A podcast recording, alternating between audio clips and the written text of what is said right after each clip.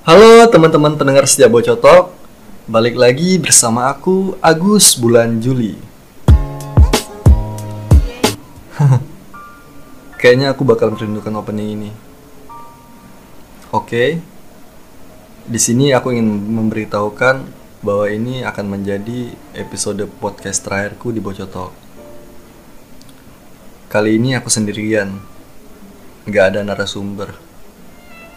Aku ingin menceritakan tentang beberapa hal, sedikit tentang kehidupanku, kemudian awal mula aku mengenal Bocok Kopi, menjadi bagian dari Bocok Kopi, sampai pada akhirnya aku harus mengambil keputusan yang penuh pertimbangan dan tentu saja berat buat aku. Nama asliku Agus Saputra. Aku adalah pria yang terlahir dan identik dengan angka 7.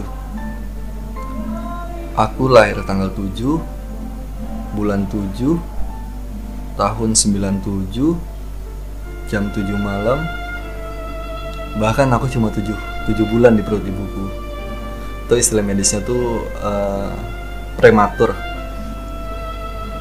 Selain itu aku berstatus sebagai mahasiswa fakultas hukum di salah satu universitas swasta bergelut di bidang jurnalistik pers mahasiswa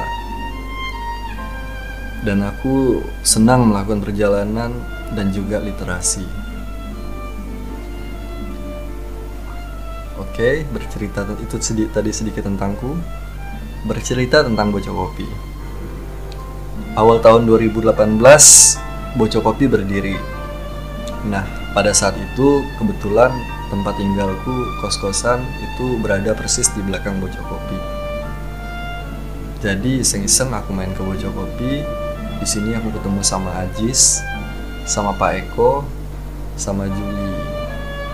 Kami ngobrol, cerita punya cerita ternyata dulunya aku pernah sempat satu sekolah dengan mereka setelah itu ya nggak ada kesan berlebihan tapi aku suka konsep bocah kopi dengan gubuk seni dan literasinya lalu aku mendapatkan tugas nih dari kampusku dari lembaga pers mahasiswa untuk membuat berita tentang usaha kreatif terpikirlah di otakku untuk membuat berita tentang bocah kopi. Jadi aku hubungi Ajis, aku minta sedikit waktunya untuk wawancara.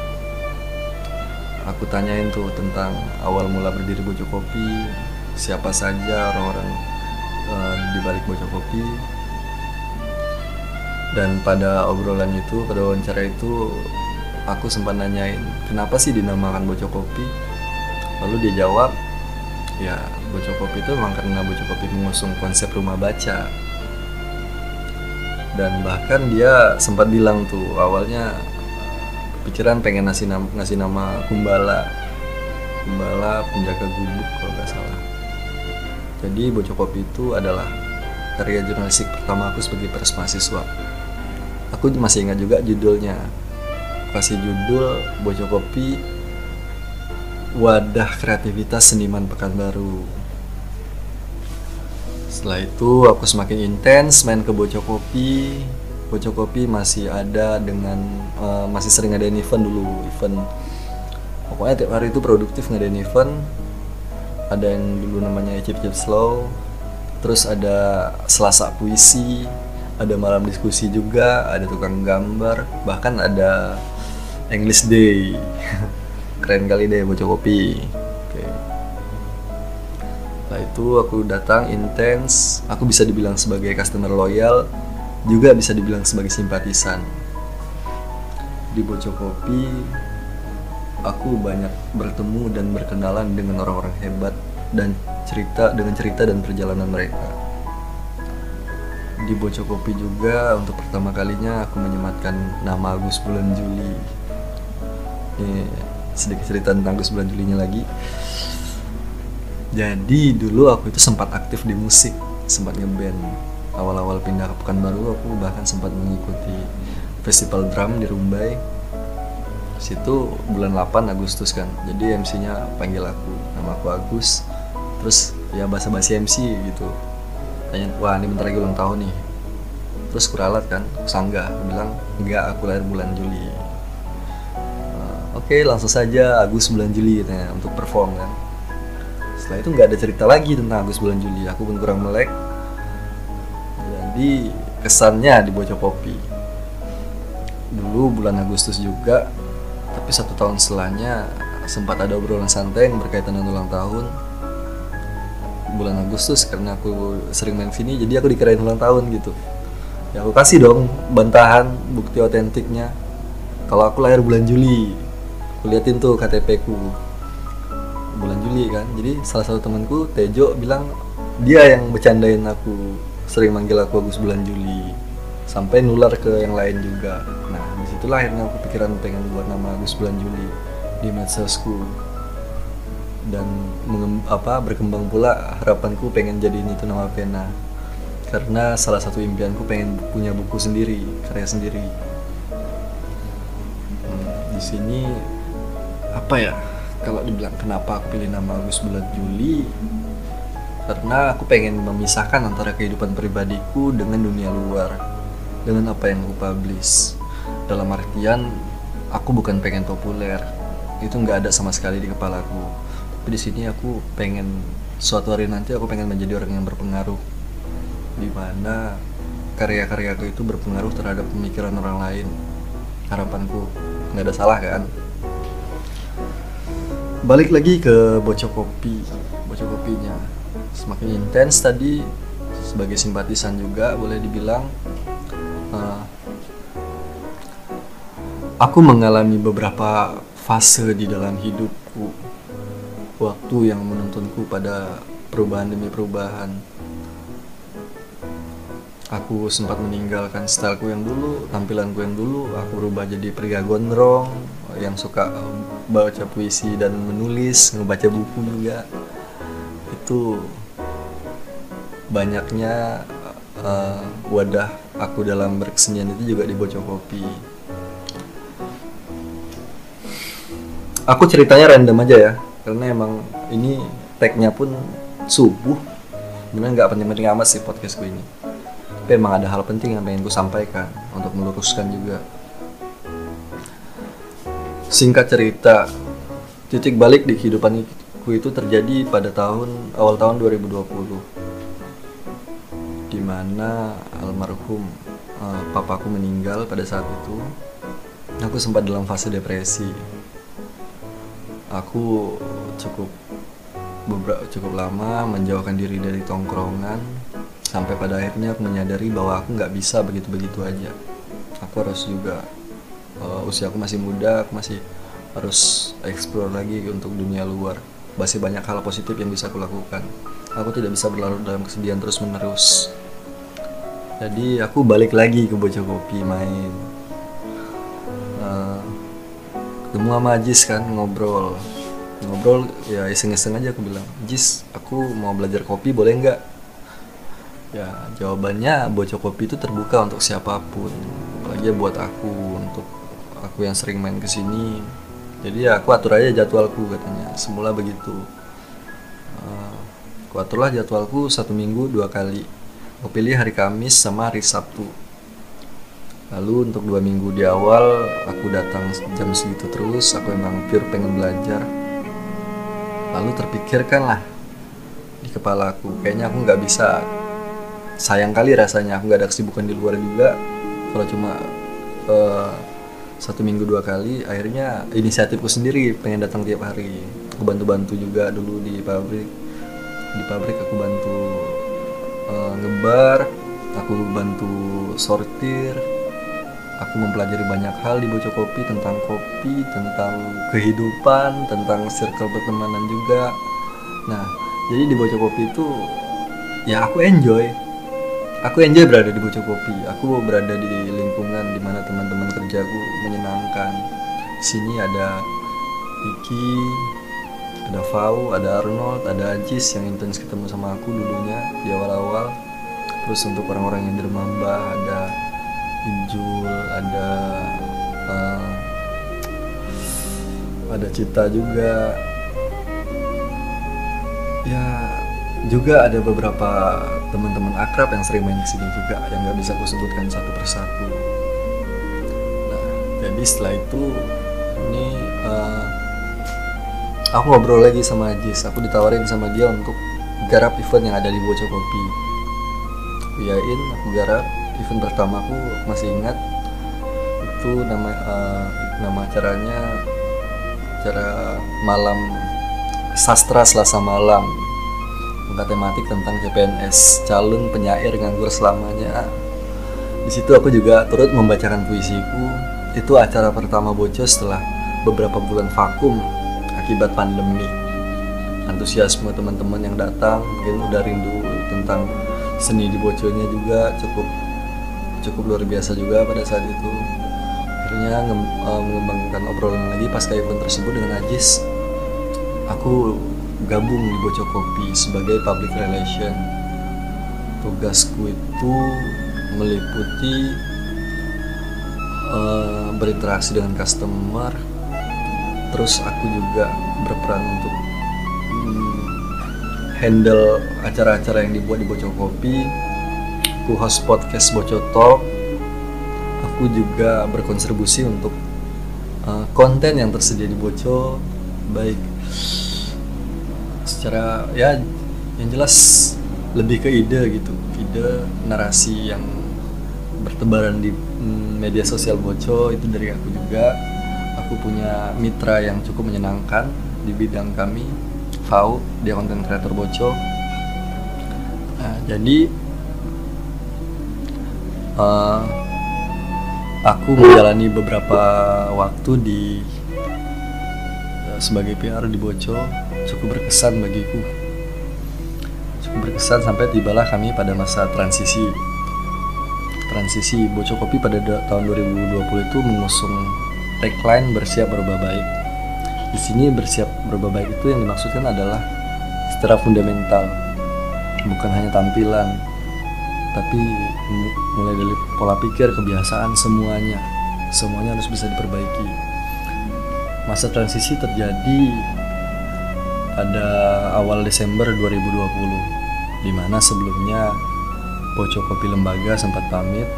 Di sana ke, uh, setelah itu Bocok Kopi Rumah Mbah. Ada sedikit hal yang pengen ceritain juga tentang Bocok Kopi Lembaga. Aku berhasil ngadain event pertama dan terakhir di Bocok Kopi Lembaga karena emang di sana konsepnya emang lebih ke apa take away. Jadi kemarin buat event uh, pokoknya event musik santai lah. Menjelang sore musik santai. Yang datang pun sepi juga padahal udah dikasih kopi gratis juga waktu itu Nah di pojok lembaga juga aku menemukan perempuan yang sekarang menemani aku berjuang. Terus balik lagi ke cerita tentang bocor kopi di masa transisi tadi. Bocor kopi lembaga tutup, pamit. Bocor kopi rumah pamit. Semua tim dievakuasi ke bocor kopi ketitiran untuk tergabung dalam satu atap. Di sana ada beberapa yang bertahan, ada beberapa yang cabut juga. Tapi pada intinya aku tetap enjoy dengan keseharianku. Lalu itu terus berjalan sampai uh, pergantian tahun di 2021 bulan Februari tepatnya kami semua balik lagi pindah ke Bocok Kopi Rumah Mbah pindah ke sini dengan mengusung konsep yang jadi goalsnya bersiap berubah baik. Kami menjalani apa ya melakukan slow bar ketika itu lagi prepare pindah-pindahin barang juga. Uh, pada tanggal 15 Februari itu tanggal resmi launchingnya bersiap berubah baik itu bocor kopi yang di sini. Itu garap event. Uh, pemutaran film dokumenter tentang bocah kopi Metamorfosa. Aku juga selaku penulis narasi di situ. Lalu materi yang di situ juga ada bentang karya kreasi seni lukis dalam garis waktu. Ada karya dari uh, Zuda, terus dari Bang Hanes juga dari Sanggar Lukis Warengka nah acaranya cukup rame cukup ya cukup buah lah antusiasme teman-teman yang udah lama nggak ketemu bocah kopi. Cukup luar biasa sangat luar biasa malah. Jadi ini aku cerita apaan sih itu udah mulai nggak jelas. Tapi bisa lah ya. Hmm, jadi setelah event tersebut ya udah keseharian seperti biasanya. Masih nyaman lah. Sampai ah, ini aku singkat kali ceritanya nih pada Maret 2000 sekarang bulan sekarang pada 2021 aku punya sedikit kegelisahan ya pada masa awal-awal pindah sini. Ada benturan dengan pribadiku. Aku punya masalah yang gak pengen aku ceritakan juga. Masalah pribadi itulah yang bikin aku ngambil keputusan. Keputusan dalam artian ya aku di awal bulan tadi sempat ngomong sama Ajis bulan Maret. Awal bulan Maret aku bilang aku pengen cabut. Tanya alasan kenapa. Ya aku punya masalah di luar. Lalu dia kasih aku opsi. Pada intinya dia nggak pengen aku cabut. Dia nggak pengen apa yang ada di uh, siapa pun yang berada di bocor kopi sekarang pergi. Ya kasih solusinya dia kasih aku cuti dua hari kemarin untuk waktu untuk diriku sendiri untuk aku mikir lagi. Baru kemudian ngambil keputusan. Akhirnya setelah obrolan itu aku memang manfaatkan waktu dua hari itu untuk diriku sendiri untuk merenungi apa yang bakalan aku lakukan. Balik lagi ke sini. Aku balik dengan rambutku yang pendek gitu. Sebenarnya potong rambut ini aku dedikasikan untuk beberapa hal alasan aku pangkas rambut dari gondrong. Yang pertama aku didikasikan untuk apa ya calon mertua kali. Terus aku dedikasikan khusus untuk bocah kopi. Kenapa? Di sini aku mulai mikir juga bocah kopi bersiap rubah baik walaupun hanya bukan hanya dari segi tampilan tapi kayaknya perlu ada yang beda juga dari aku di 2021 karena aku kan sebagai PR harus berpenampilan rapi juga kan ya aku pangkas rambut aku bilang sama Ajis ya udah Ajis aku bertahan.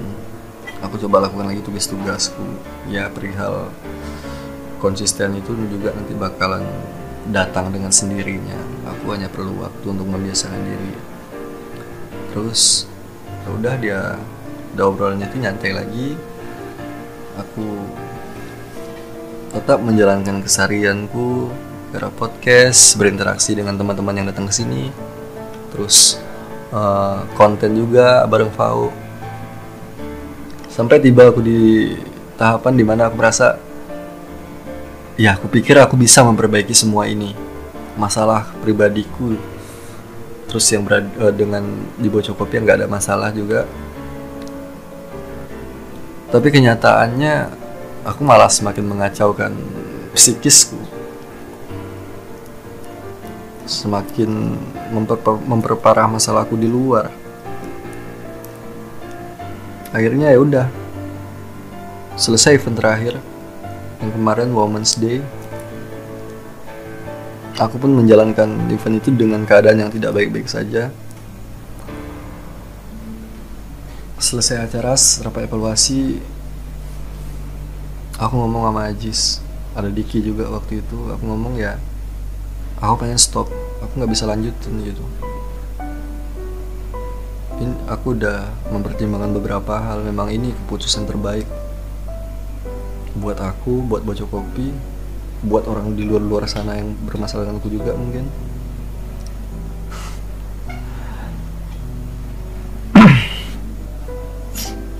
Setelah itu aja ngobrol lagi sama aku ya ya udah kalau emang kayak itu yang kalau emang itu jadi keputusanku Sini aku katakan, aku cabut dari bocor kopi murni karena keinginanku. Aku datang ke sini baik-baik. Aku cabut pun pengennya secara baik-baik, tanpa ada problem apa pun.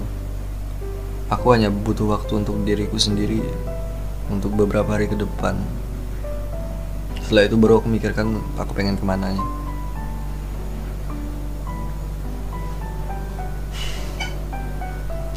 Boco Kopi itu tempat yang sangat berkesan bagiku. Di sini aku ngebangun personal brandingku sebagai pejalan, sebagai Agus Bulan Juli, sebagai public relation, sebagai orang yang bergelut bidang kopi. Boco Kopi, di Boco Kopi aku banyak mengenal orang-orang hebat,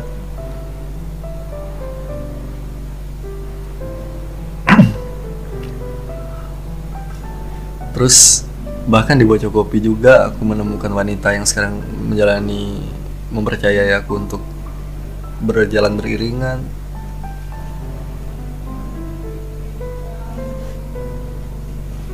Berat. Berat kali lah buat aku ninggalin Bocok Kopinya.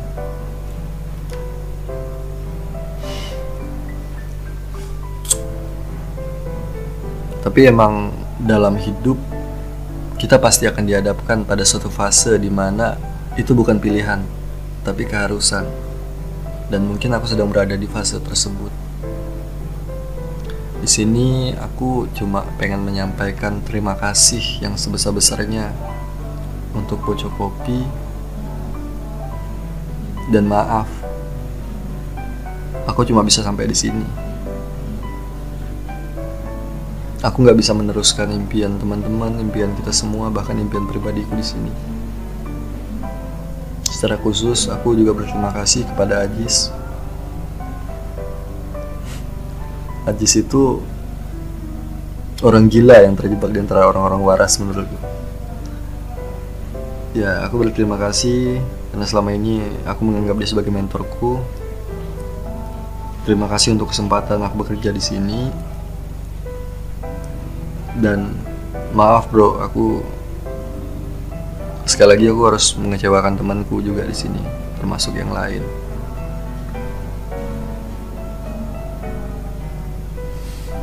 Tapi pada intinya apa pun itu ke depannya aku bakalan tetap selalu support Bojo. Aku nggak tahu jalan apa yang bakal aku ambil setelah ini. Tapi mungkin dengan Hmm. Udahlah ya, nggak mau banyak retorika lagi kayaknya udah cukup. Aku takut kebawa emosional juga kalau memperpanjang obrolan ini. Ya udahlah, masalah aku biarkan masalah aku. Sini aku mengucapkan terima kasih sekali lagi sekali lagi untuk siapa pun yang pernah ada dan menjadi bagian dari sejarah Bojo Kopi. Makasih untuk kesempatanku. Satu pesanku untuk teman-teman semua tetaplah membumi meski kelak kau setinggi langit. Oke, sekian dari aku Agus bulan Juli. Salam.